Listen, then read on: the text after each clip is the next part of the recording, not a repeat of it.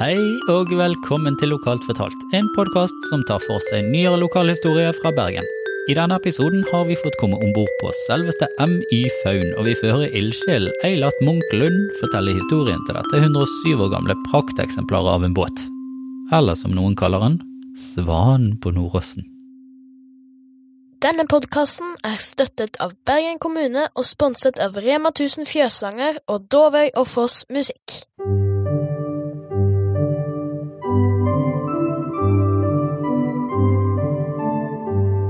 Men før vi går videre, så syns jeg vi må ha en liten presentasjon av dagens gjest. Og det er jo altså Eilert Munch Lund. Og han er filmskaper og forfatter, og han lever av og for og med det maritime og vår kystkultur.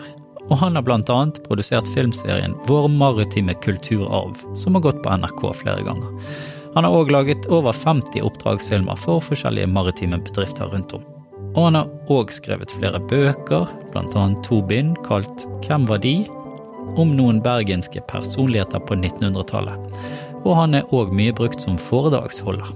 Han er òg tildelt flere priser, og er òg leder av vennelaget Faun, og har vært det siden det ble etablert i 2013.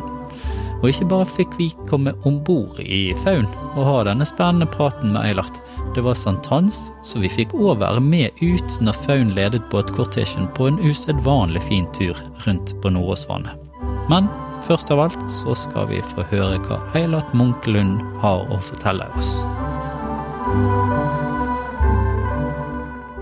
Det er jo litt av et sted vi sitter på nå. Det er det. Hva Nå, kalte eh, du det sist? Vil du gjenta det? Det som jeg la klang på? Ja, vet du hva, det kan jeg gjenta. Jeg har sagt mange ganger at dette her, den båten vi sitter i nå, det er Nordås, Nordåsvannets svane.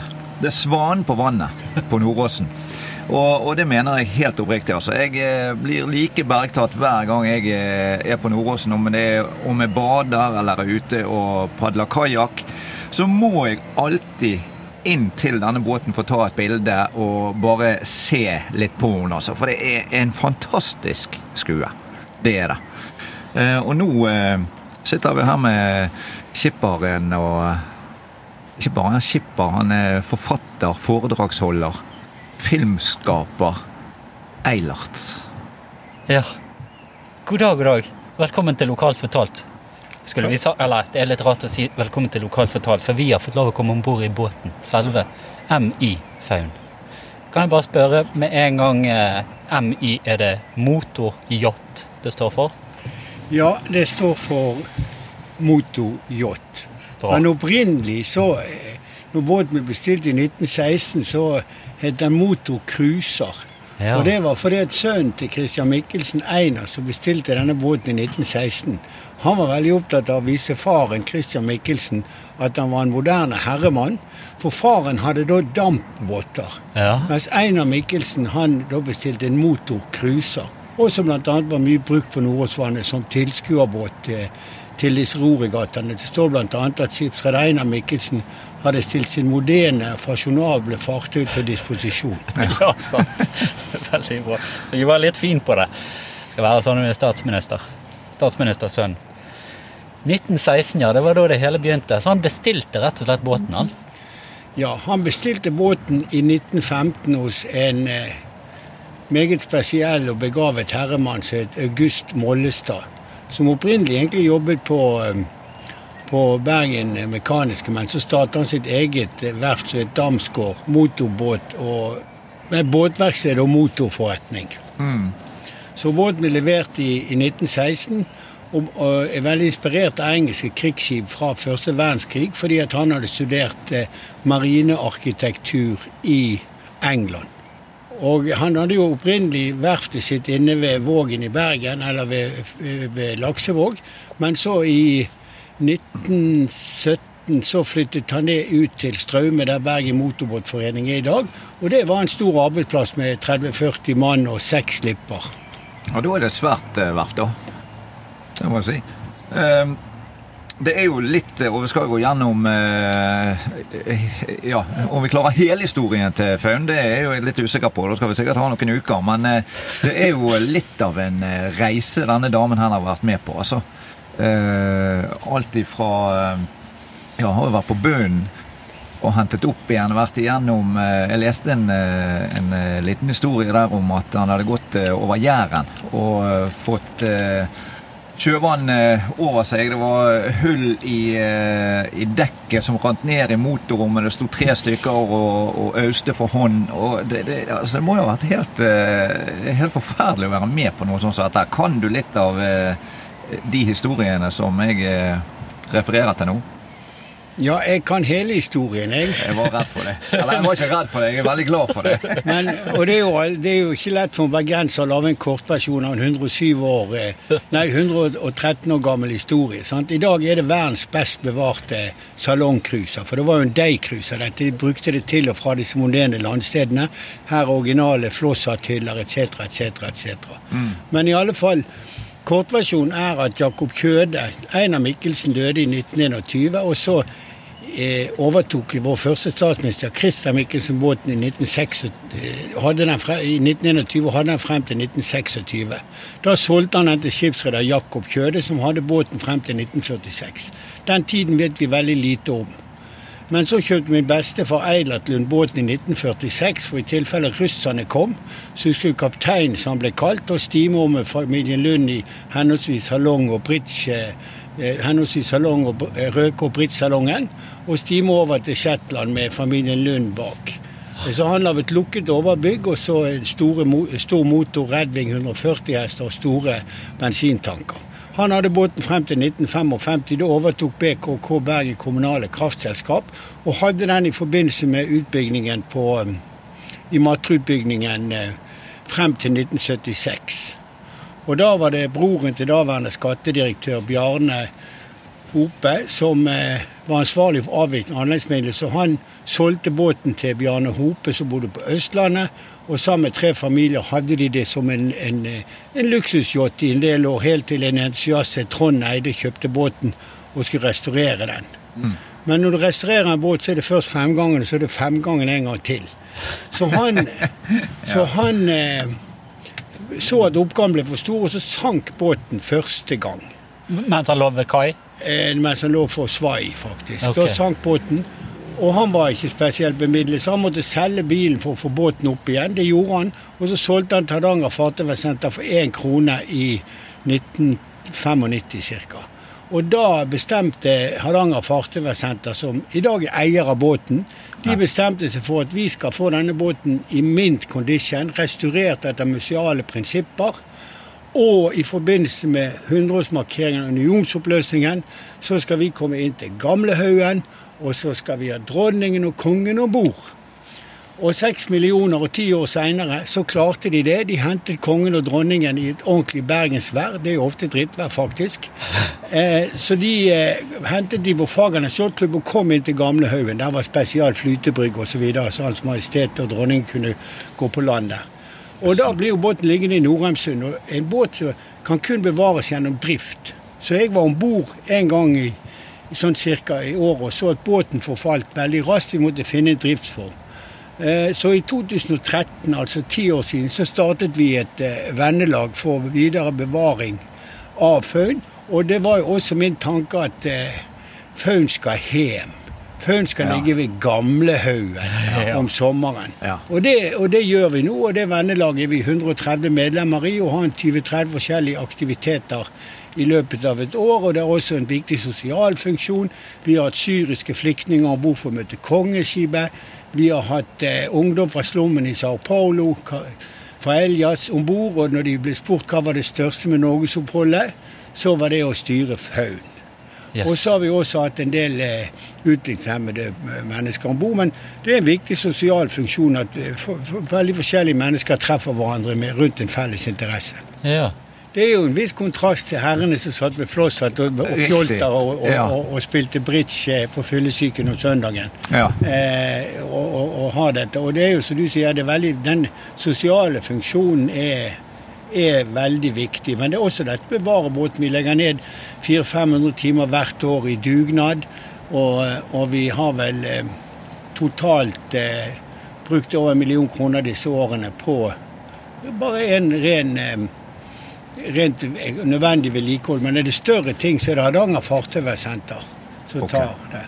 Men vi er med på masse stevner. altså Nå var det trebåtfestival i Norheimsund. Vi var på 200-årsjubileumsmarkeringen for, um, for uh, Grunnloven. Da gikk vi helt til Oslo, faktisk.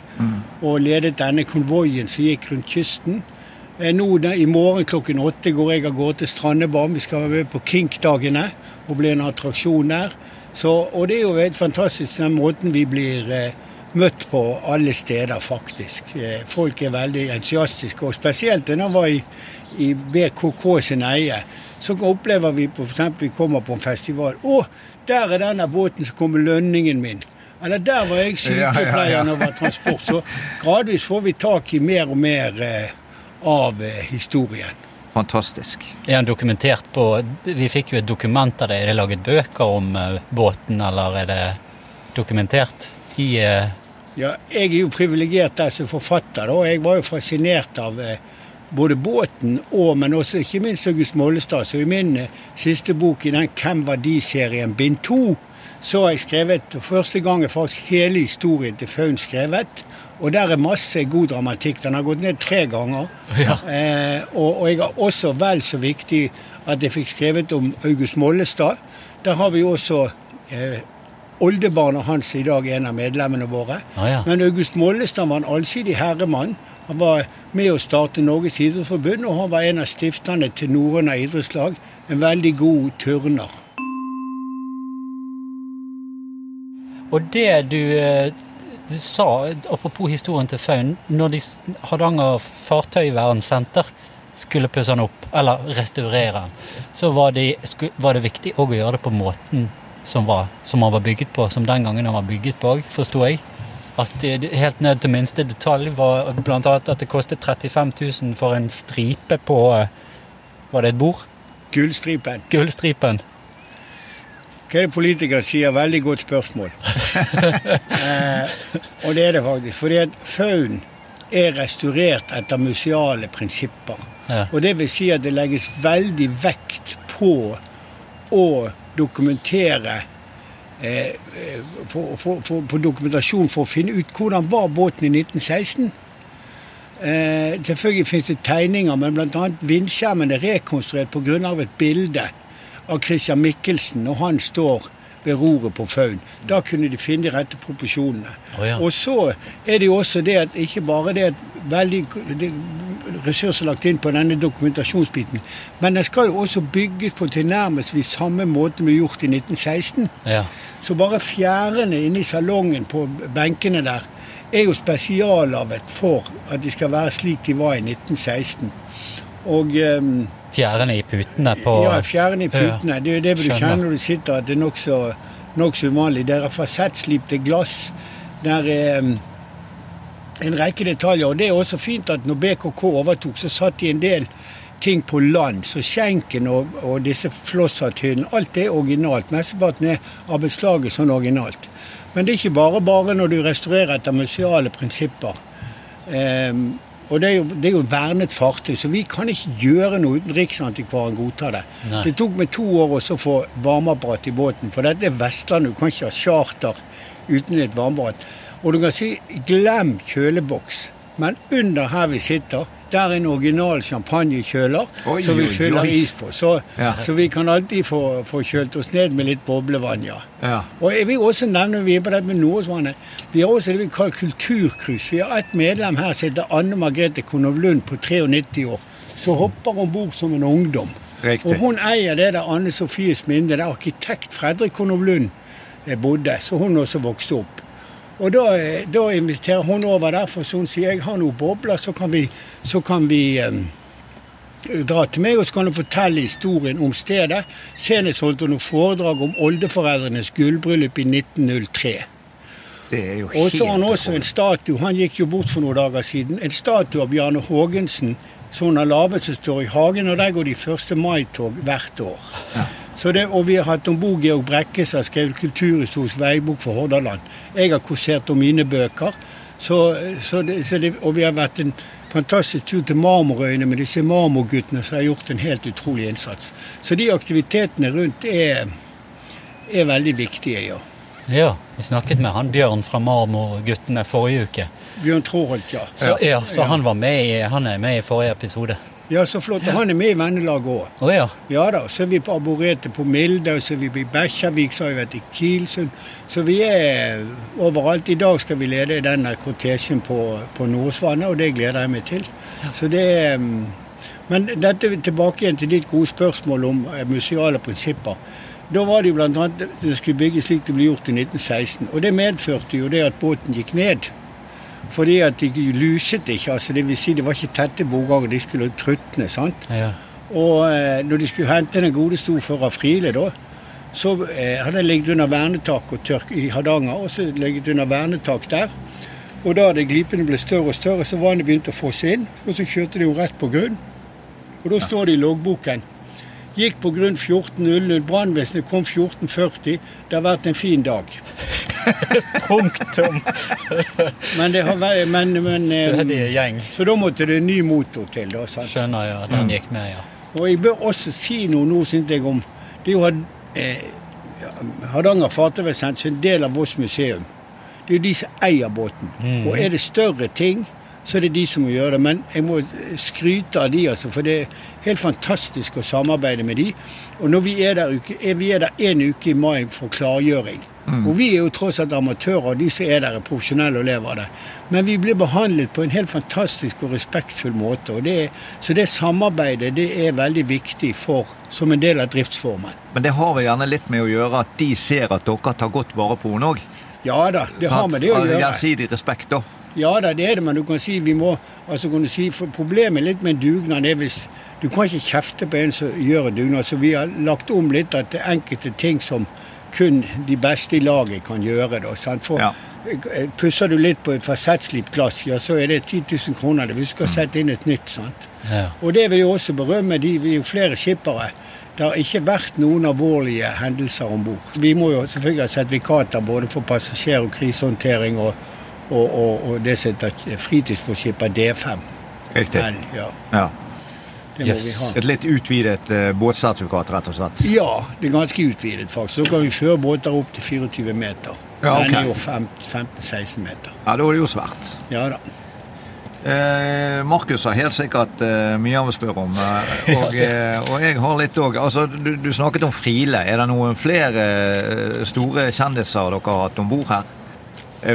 Kongen har jo vært der, selvfølgelig. Det kan jo ikke bli større enn det. Men er det noen andre du kan Der nevne? er vi jo eh, ganske diskré, da, selvfølgelig.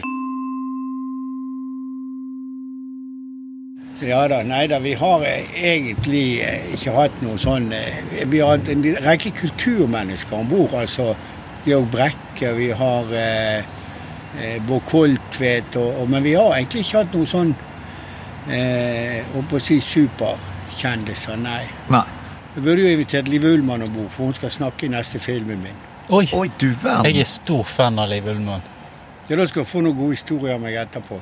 Ja, når, når mikrofonen skrur av? Nei da, men jeg er veldig stolt av det samarbeidet med Liv Ullmann. Hun har jo vært med i tre av mine filmer. Oh, ja. Oi. Og, og, og nå skal hun være med i den neste filmen som heter krigs, eh, Det var 'Hjemvik sjøfolk skulle' om krigsseilernes familie. Ja, for de filmene du lager, er om eh, eh, skips, skipshistorie? Eller ja, jeg har laget marin en, filmserie som heter 'Vår maritime kulturarv'. Ja. For vi er jo en sjøfartsnasjon, og første filmen som ble tidenes mest solgte norske DVD-dokumentar, 'Norske sjøfolk'. Eh, der er jo laget 150 filmer om bøndene. De har ikke laget én om historien til norske sjøfolk og vikinger frem til i dag. Ja, det er et godt poeng.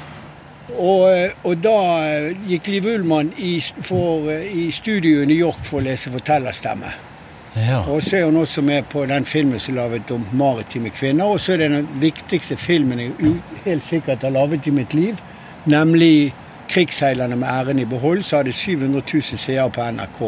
Og i all beskjedenhet, som Michelet sa at det la grunnlaget for hans romanserie. Oh, ja. Og jeg har også et fantastisk intervju med Jon Michelet, som kommer i neste filmen min. Yes. Han var Fantastisk. Salig Jon Michelet var en fantastisk fyr. Ja. Herlig. Mm. Jøsse navn, du har vært med på litt av hvert, Eilert. Ja da.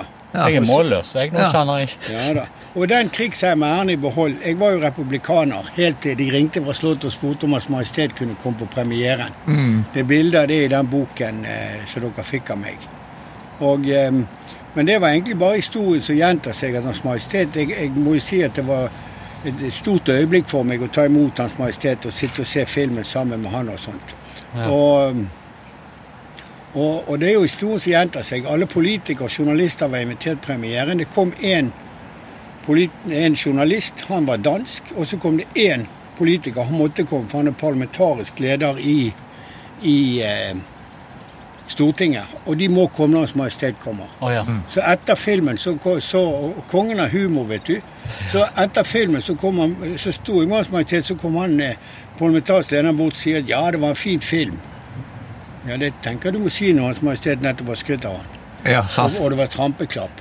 Men, sånn, han, den kunne nøre opp under politikerforakt. Litt politikerforakt. Da så jeg han dypt inn i øynene og sa jeg, tusen takk, for det var akkurat det jeg hadde håpet på. Ja, sant. Og Hans Majestet kunne ikke le høyt, men han sto og ristet. Ja. Opp og ned. Humret litt, han. Han humret, nei, han kunne ikke humre engang, men hele han ristet. Men, men, men det er jeg veldig stolt av, og, og det må jeg si betydde mye for meg. Fortellerstemmen på 'Krigsseiler med æren i behold' er, er, er del, siste tredjedelen har Odd Børresen. Og Vi satt og leste inn fortellerstemmen. Da bodde han i Arl i Frankrike. Og det mest stille rommet det var dobbeltsengen hans i, i den leiligheten. Og Der satt vi og leste inn. Og da han leser i den filmen Nå er jeg ikke så god på øster, men han, han leser i den filmen at eh, Sjømannsforbundets formann Ingvald Haugen logret som en lydig puddel for Einar Gerhardsen og hans menn. Og som en Judas gikk han på Stortingets talerstol og talte mot sine egne medlemmer. Og da viser vi bildet av Einar Gerhardsen, Håkon Lie og Jens Christian Hauge. Ja. Og da sier Odd Børresen ja, nå blir det saksøk. Ja, og du òg.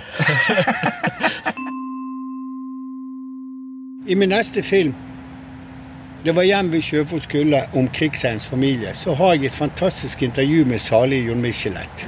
Og han sier disse Pauli-ord. Hjemmefronten kuppet freden.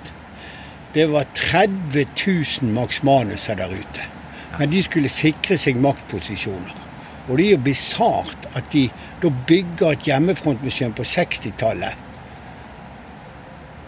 100 meter fra der krigsseileren lå frøs og drakk seg i hjel, de som ikke klarte seg. Og så Intervjuet ble avsluttet med at, med at Jon Michelet sier Den norske regjering, storting, Einar Gerhardsen med Jens Christian Hauge i kulissene. Ja, faen ta de, rett og slett. Og det mener jeg. Og det har jeg svart på hvitt. Ja. Altså, det har jeg opptaken på. Penger, venner, vennelag, kontingenter. Hvordan eh, får Faun inntektene sine Ja, for tiden? Det er et veldig enkelt system vi har. Det koster 500 kroner året å være med i vennelaget Faun. Og det er såkalt familiemedlemskap. Da kan du ta med en venn eller kone eller barn eller det du ønsker. Eh, Skal det være med ytterligere, så må de betale en dieselavgift på 200 kroner. Og det er vel ca. halvparten av inntekten vår i løpet av et år. Og så den eh, andre halvparten det går på charter og direkte sponsorer. Og så vil jeg jo gjerne rette spesielt takk til Arne Veidung, da, som sponser oss hvert år. Ah, ja. Pluss at vi får disponere denne kaiplassen. Den beste kaiplassen Faun kunne drømme om å få. Ja, sant. Det er jeg helt enig i. Det Så er jo det hele, når du kjører utover veien her, så er jo bare dette praktfulle skuet Ja, ikke mot minst, det er ikke noen svære bølger og sånn. sant? Og, er og, og, nei, så det, det er veldig viktig. Det er det. Jeg ser jo òg det at dere eh, driver med utleie på båten. Ja. Eh, Det er med skipper, regner jeg med? Ja, det må være med skipper og Ja. matros. Og de må ha de nødvendige, også nødvendige sertifikatene. Ja.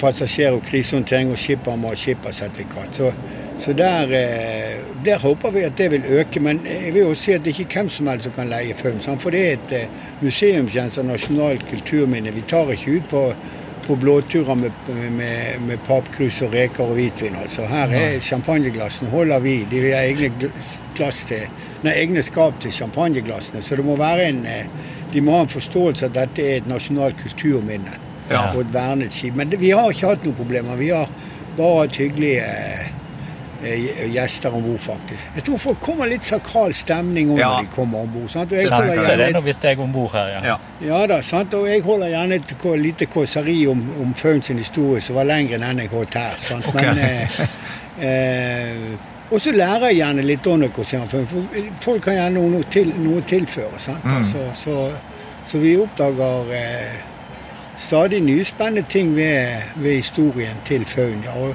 sånn som jeg ringte han eh, Heitmann, var jo en av disse familiene som kjøpte, og han fortalte om denne historien rundt kysten med de hadde hyret inn en fiskebåtskipper fra, eh, fra Askøy, men han så båten sa han, den vil ikke jeg være skipper for, men jeg kan være med som mannskap. Og det var jo, som du nevnte innledningsvis, sant, lekk, og det sto tre mann og øste ut. Og Ja. når de kom over Oslofjorden i, i tett tåke, så visste, sviktet kompasset, så de visste ikke om de gikk nordover eller sørover. Men de kom seg jo inn da til slutt. Ja, kompasset sviktet i tjukk tåke, sto det. Og det, da tenker jeg er ok. Hvordan finner man da veien? sant? Men de kom nå seg i land De til kom slutt. seg i land. Ja. De kom seg i land, og vi har som sagt eh, ikke hatt noe dramatiske episoder. Vi har hatt noe nesten, men aldri noe, noe alvorlig. ja, det er Så bra. bra.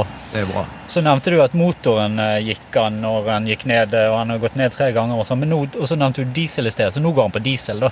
Ja, nå er det, står det en 120 hester i Veko diesel om bord. Ja. Det var jo, altså, Først var det jo en maskin som August Mollestad eh, mer eller mindre konstruerte, som gikk på bensin-parafin. Okay. Og så, når min bestefar kjøpte båten, så installerte han en 140 hester Redwing, en amerikansk motor. Det er den største motoren som har vært om bord. Og så kom jo disse eh, 120 hester moderne dieslene. Så de er veldig driftssikre, og det er også økonomisk. Vi bruker 8 liter på 8 knop og 1800 omdreininger per time. Ja. Hva er toppfarten på, eh, på Faun? 12 knobb. Ja. Marsfart 8-9.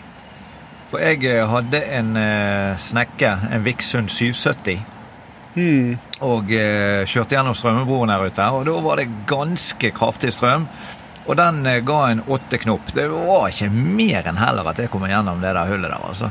Og da tenker jeg denne gir fire knop mer. Har dere full guffe gjennom på eh, Kan dere gå ut frem og tilbake uansett hvordan strømmen er? Uansett, ja. For okay. maks, så etter jeg har forstått, så er det maks strøm gjennom der ni knop. Riktig. Så det har hendt vi har seget gjennom én til to knop. Ja. Når, altså, og, og, og eh, når det går i motstrøm, er det ikke så farlig. Sant? For hvis en båt kommer mot den, så går det ut. Men det er så farlig når du går med? Mm. Ja, ja, ja. Ja. ja, ja for da blir det litt vanskelig å ratte og de tingene der. Og opplev det. Ja da, sant? eller det kommer en båt imot. Sant? Da er du nokså hjelpeløs.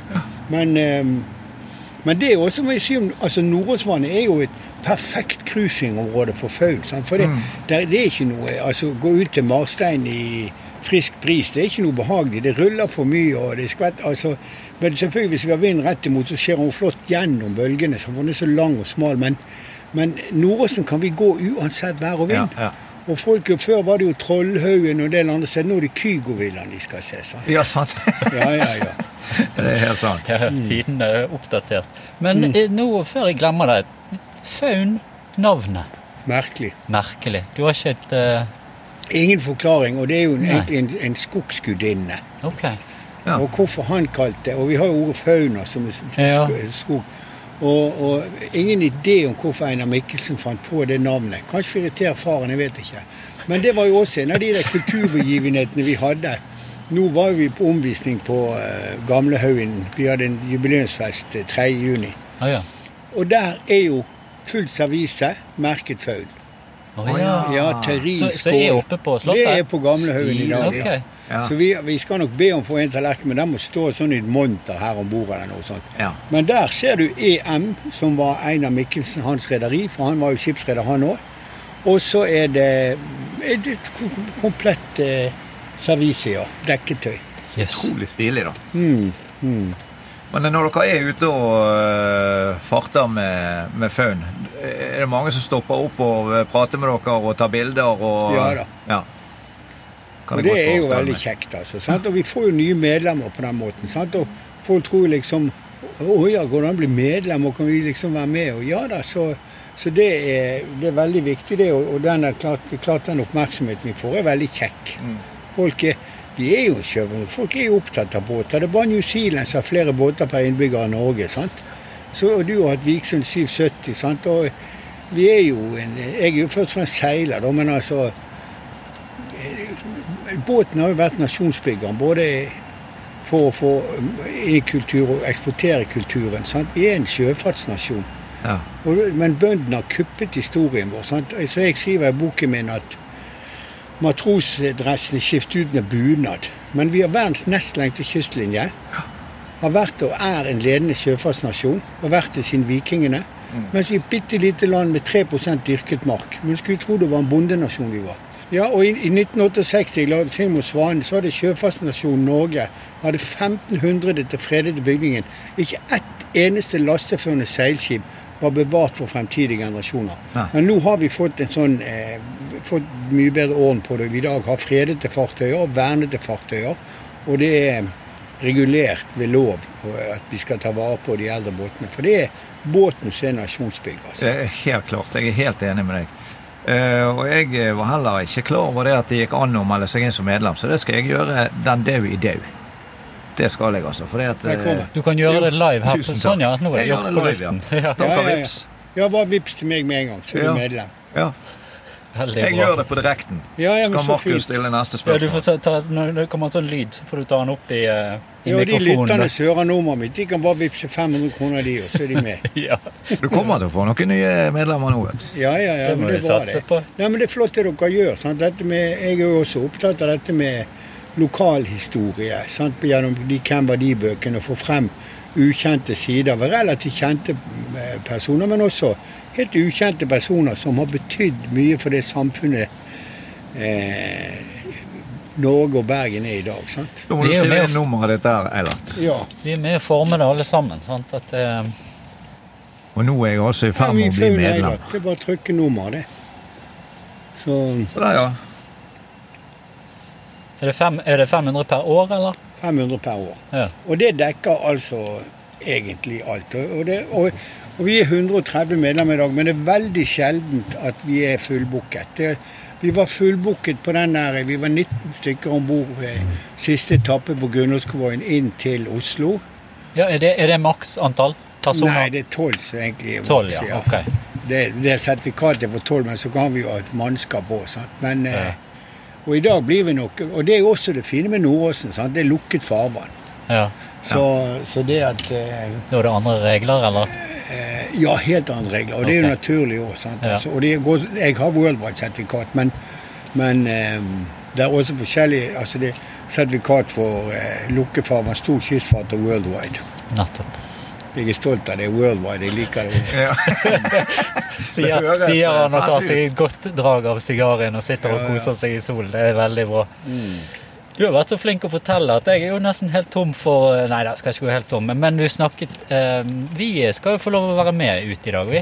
Og Ja, det gleder jeg meg til. Det og Ståle, da Ja, skal det- du få sitte eh, på- ryggen på svanen. Nå utsatte jeg faktisk sommerferien jeg med én dag for å være med faun ut i eh, Ja, men det er veldig kjekt. Vi Ja. må jo feire at vi har fått et nytt medlem. vet du. Ja, Ja. det er helt sant. Det er helt ja, rett. ja. Det Ja, blir en da. ny podkastepisode. Veldig Ja, spennende. Men hva, hvor går turen i dag? Hva er det kortesje, altså- sa du? Det Sant Ja, altså vi har tradisjonelt ledet kortesjen. Eh, og det gjør vi vel i år òg. Eh, og da eh, og Ettersom jeg oppfattet det, for jeg har ikke vært skipper på sankthansaften før, men så ligger båtene og liksom venter litt på oss, og så legger de seg etter. Og da går vi jo, kan du si, ut eh, forbi Torpeviken, sant, gjennom Marmorsundet, ut mot Bergen Motorbåtforening, for der lå jo verftet til August Mollestad. Ja. Og så glir vi igjen tilbake. Nei da, men så vi glir og så koser vi, så blir vi en, eh, en hel del eh, eh, gjester. Vi blir jo fulltallige da, sant. Og, det, og da er det igjen det samme, det er mennesker som dere kommer helt sikkert til å få nye venner. Sant? Det er mange som har knyttet forbindelser for livet. Og det må jeg nevne at det er jo også de som har lagt om hele livet sitt. Vi hadde en som var i IT-bransjen. Ja. Og han var så fascinert av dette med faun og være på sjøen og skipper. Så han i dag skipper. Han la om, han sa opp i IT-bransjen og, og, og, og begynte med maritim karriere istedenfor. Jøss. Hvor gammel var han når han eh, håper si, skiftet beite? Et et par og 40, tror jeg. Ja.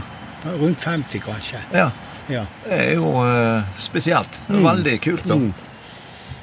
ja da, så det er også eh, er gledelig. Og så er det jo sant, altså folk lærer jo også mye sånn, og jeg lærer mye ved å ta vare på båten. Og spesielt når vi har den dugnadsuken på i Hardanger, for der er jo proffe folk. Og, og nå i år eh, eh, Ja, det, det er lenge siden hun har vært i så god stand som hun er nå, faktisk.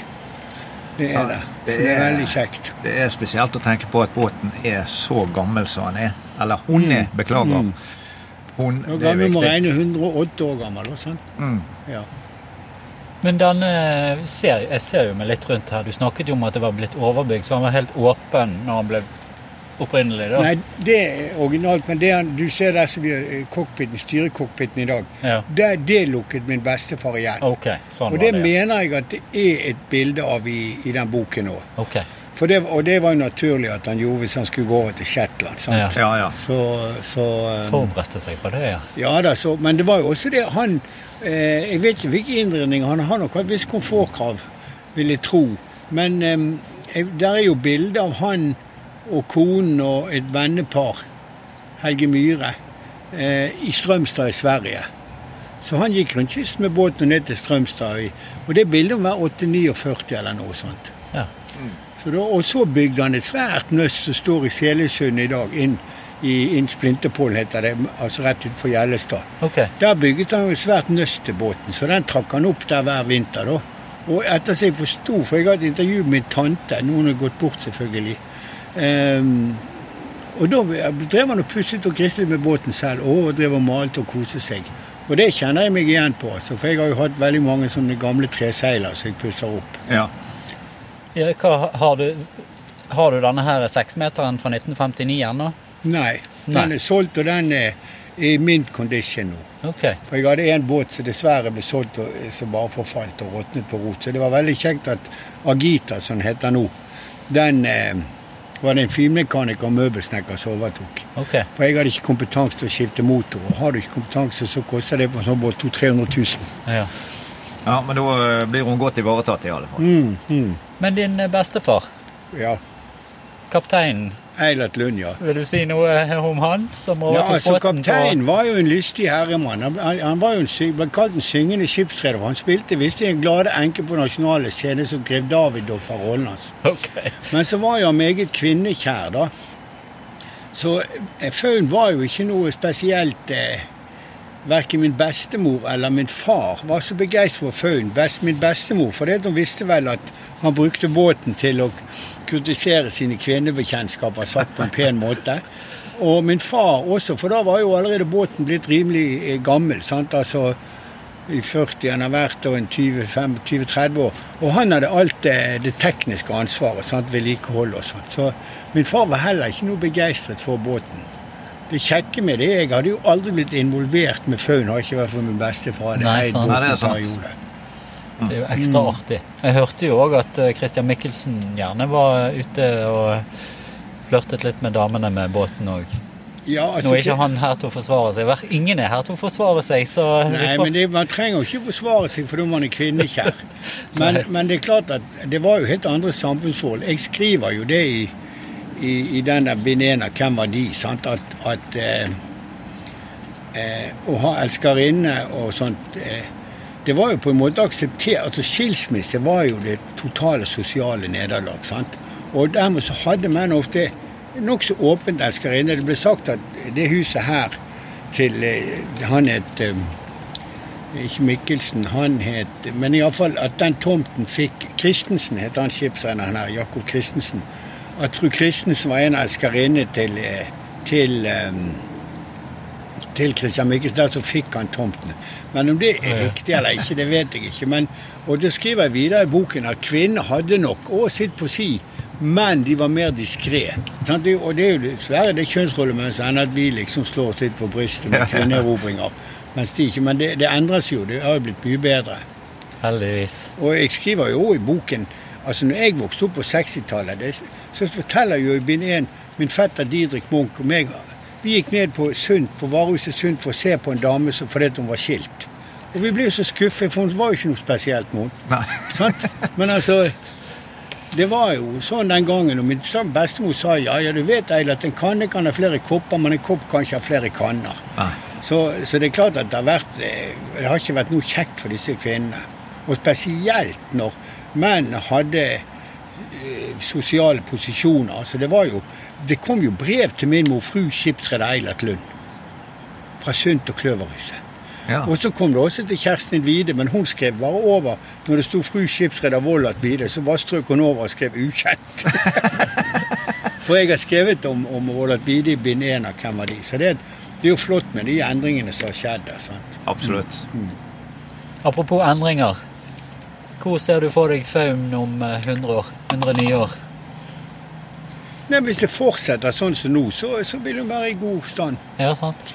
Fordi at, eh, det, det er en flott kombinasjon av vi gjør kan du si, mye av det kosmetiske vedlikeholdet. sant? Men er det større ting, nå skal dekket foran skiftes, så vil det koste 300 000-400 000. Og da har vi jo Riks- da er Hardanger fartøy i, gang med å søke om det. sant? Og nå har vi akkurat fått fra Unistiftelsen, det var det jeg som har søkt om, da 70 70 000 til nytt elektrisk anlegg.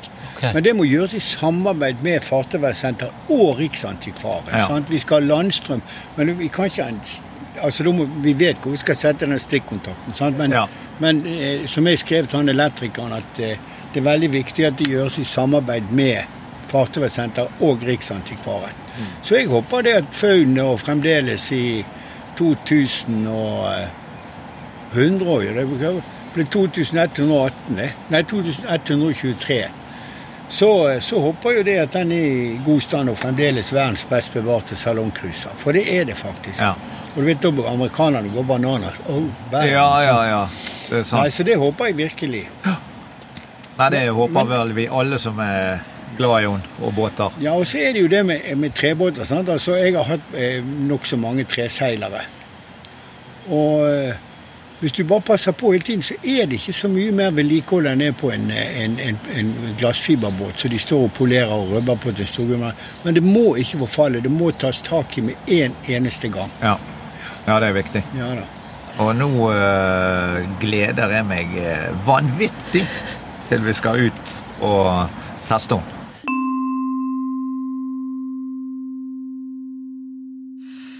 Ja, Ståle. Yes, sir. Du og du og du. Det var ikke akkurat eh, Beffen, dette her. Nei, vet du hva, dette var ikke Beffen. Og, og denne båten har jeg, øh, ja, egentlig så lenge jeg øh, kan huske, vært veldig fascinert av. Men hvor så du den før? Altså, jeg kan ikke huske at jeg har sett den før de siste årene på Nordåsen. Ja, nei, altså akkurat det der med, med tidsperspektivet skal jeg være litt forsiktig med å uttale meg om, men, eh, men jeg mener å huske den ganske langt tilbake. Ja. Eh, og så har han jo ikke alltid lagt i Nordåsen. Han har jo vært flyttet litt frem og tilbake her og der og, og sånne ting, sant. Vært veldig mye rundt om. Ja. Men du er jo litt sånn ekstra båtinteressert og opptatt av sånn, så du ser kanskje litt mer Det er jo derfor det er ekstra kjekt å ha vært på turen med deg som blir eh, Ser du, du lyste jo opp når vi satt der og, Ja, ja, og det vi jo startet motoren og Ja, eh, at- Ble som en liten gutt igjen, du. Ja, jeg gjorde det. Og, og det er jo eh, Bruker Nordåsen veldig mye, både til turgåing med hunder, vært der med ungene, eh, vært der med båt og kajakkpadling eh, veldig mye. Ja. Og så er det jo sånn at det må alltid nært faun. Fordi at han er Det høres jo helt Nei, nei, nei, det, Snålt det ut, veldig, kanskje. jeg bare ler fordi det, jeg syns det er veldig Jeg synes det er så kjekt med Ja, når det på en måte beveger noen som Ja da. Ja. Og, og det denne båten har gjort, eh, det, er en, det er jo en gammel dame Ja, som ser helt strøken ut. 1916. Ja. Og hun ser rett og slett helt strøken ut. Ja. Eh, 1916, ja. ja. Så da er jo båten 100 og Oi, 107 år. 109 Ja, 107, ja. Ja. ja. Forsiktig med ho hoderegning på, på direkten, kjenner jeg. Altså for min egen del. Ja. Nei, eh, men eh, igjen tilbake til den båten her. Det er, det er en fantastisk dame. Og nå, eh, etter vi startet Lokalt fortalt, så har vi på en måte Ja, det, det er litt lettere å få innpass på ting som man tidligere har drømt litt om. Ja. Sant? Nå har vi vært i Bergen eh, fengsel, som ligger nede i sentrum, som òg har vært en drøm for meg fra jeg var bitte liten. Eh, å komme inn i fengsel, altså på besøk for å se hvordan det ser ut der. Det har vi klart. Og nå eh, Faun. Det er vel eh, Vi har gjort mye gøy med, med Lokalt fortalt allerede, men eh, akkurat de to sitter litt spesielt. Ja. Fordi at jeg har hatt en sånn fascinasjon og en eh, veldig sånn ja, sterk følelse av eh, de tingene der, da. Ja. Og nå, i dette tilfellet, snakker vi om faun. Ja. Ja.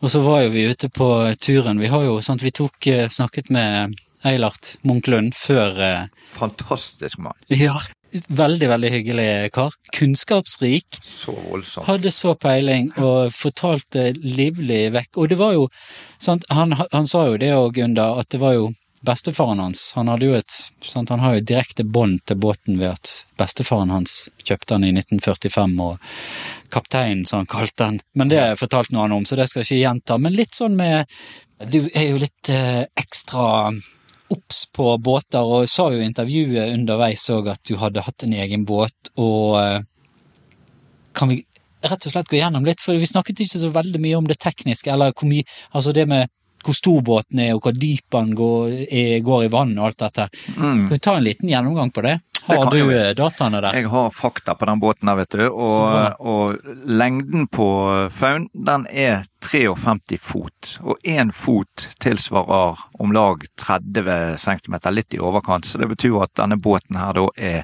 rundt 16 meter lang. Ja. Eh, bredden på den, den er 3,45.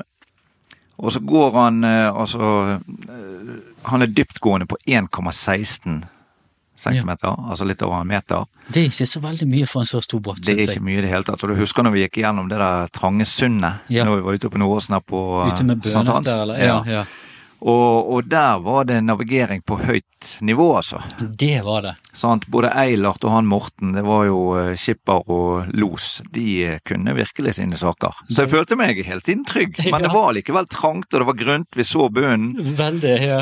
Jeg tenkte oi sann, her, og trebåt, sant, og så står vi fast her med denne store snekken her, Ja. så Men det var jo ikke så langt til land, vi skulle klart å svømme inn. Og, Ja, det men, er eh, sant. Nei, men det var, det var dyktige, dyktige folk, altså. ja, det var det. Ja. Eh, spennende. Og så hadde de jo full fart, sant? så vi kjørte ti knop gjennom der. Nei, bare tuller.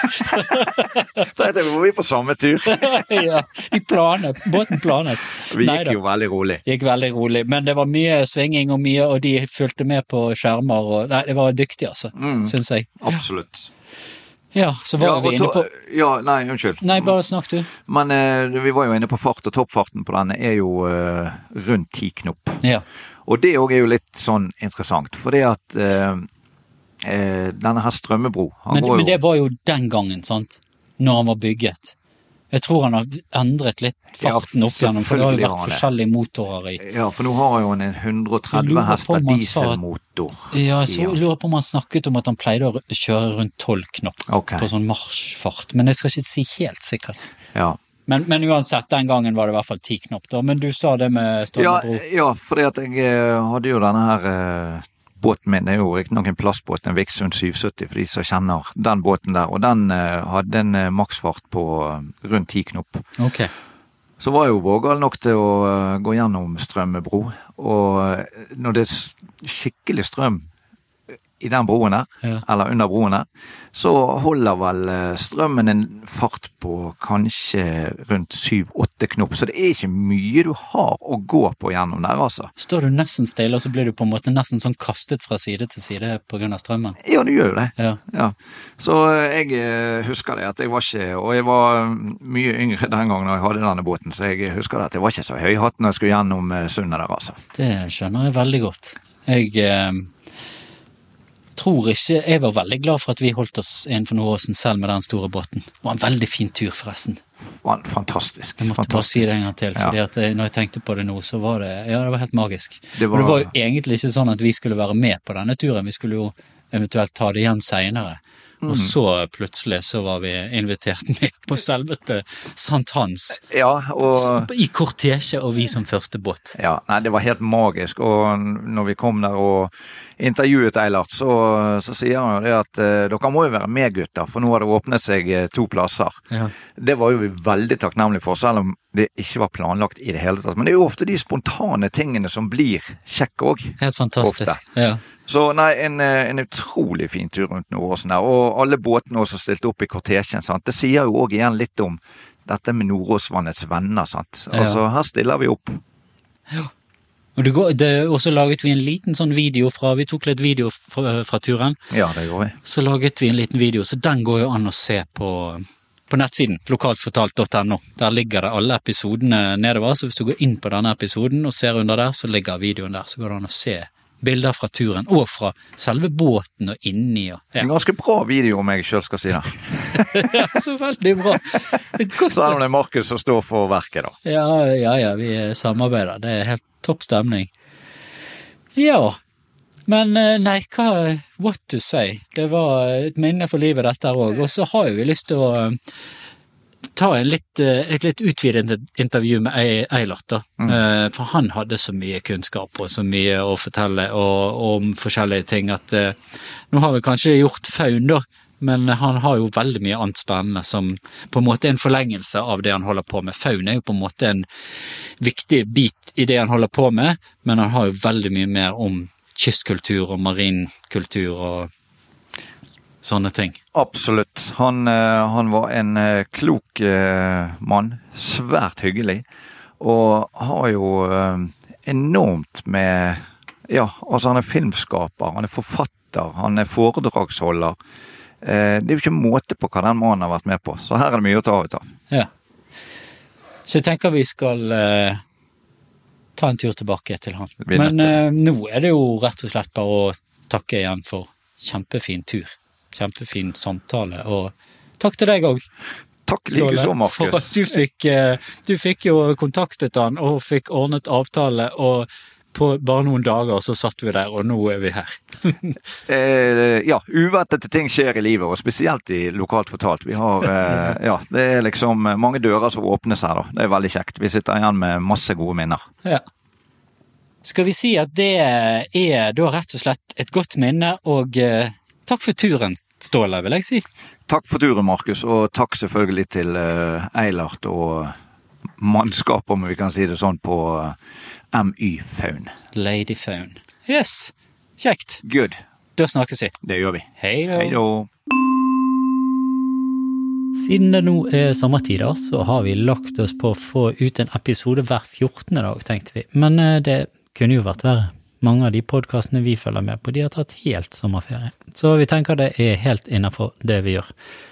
Uansett, før vi slutter av for denne gang, så må vi få takke for tipsene og responsen og de hyggelige tilbakemeldingene fra flere av dere der ute. Og en ekstra takk til Bjarte Lønøy, som skrev en e-post til oss på postetlokaltfortalt.no og tipset oss om en veldig spennende kar som vi håper vi får laget en episode med snart. Og en annen som skrev eh, tidligere en e-post til oss, var Truls the Explorer, og han får du nok høre mye mer om om ikke altfor lenge. Så det er mye spennende i vente, altså. Så helt til slutt, som alltid, vi tar gjerne imot tips og ros og eventuelt ris, om det skulle være på sin plass, men det aller viktigste er at du har glede av det vi lager, og at du bare fortsetter å lytte, og gjerne anbefaler andre om å ta en lytt òg. Vi lever jo av og for å bli hørt. Så ha det fint, og som alltid, lev vel.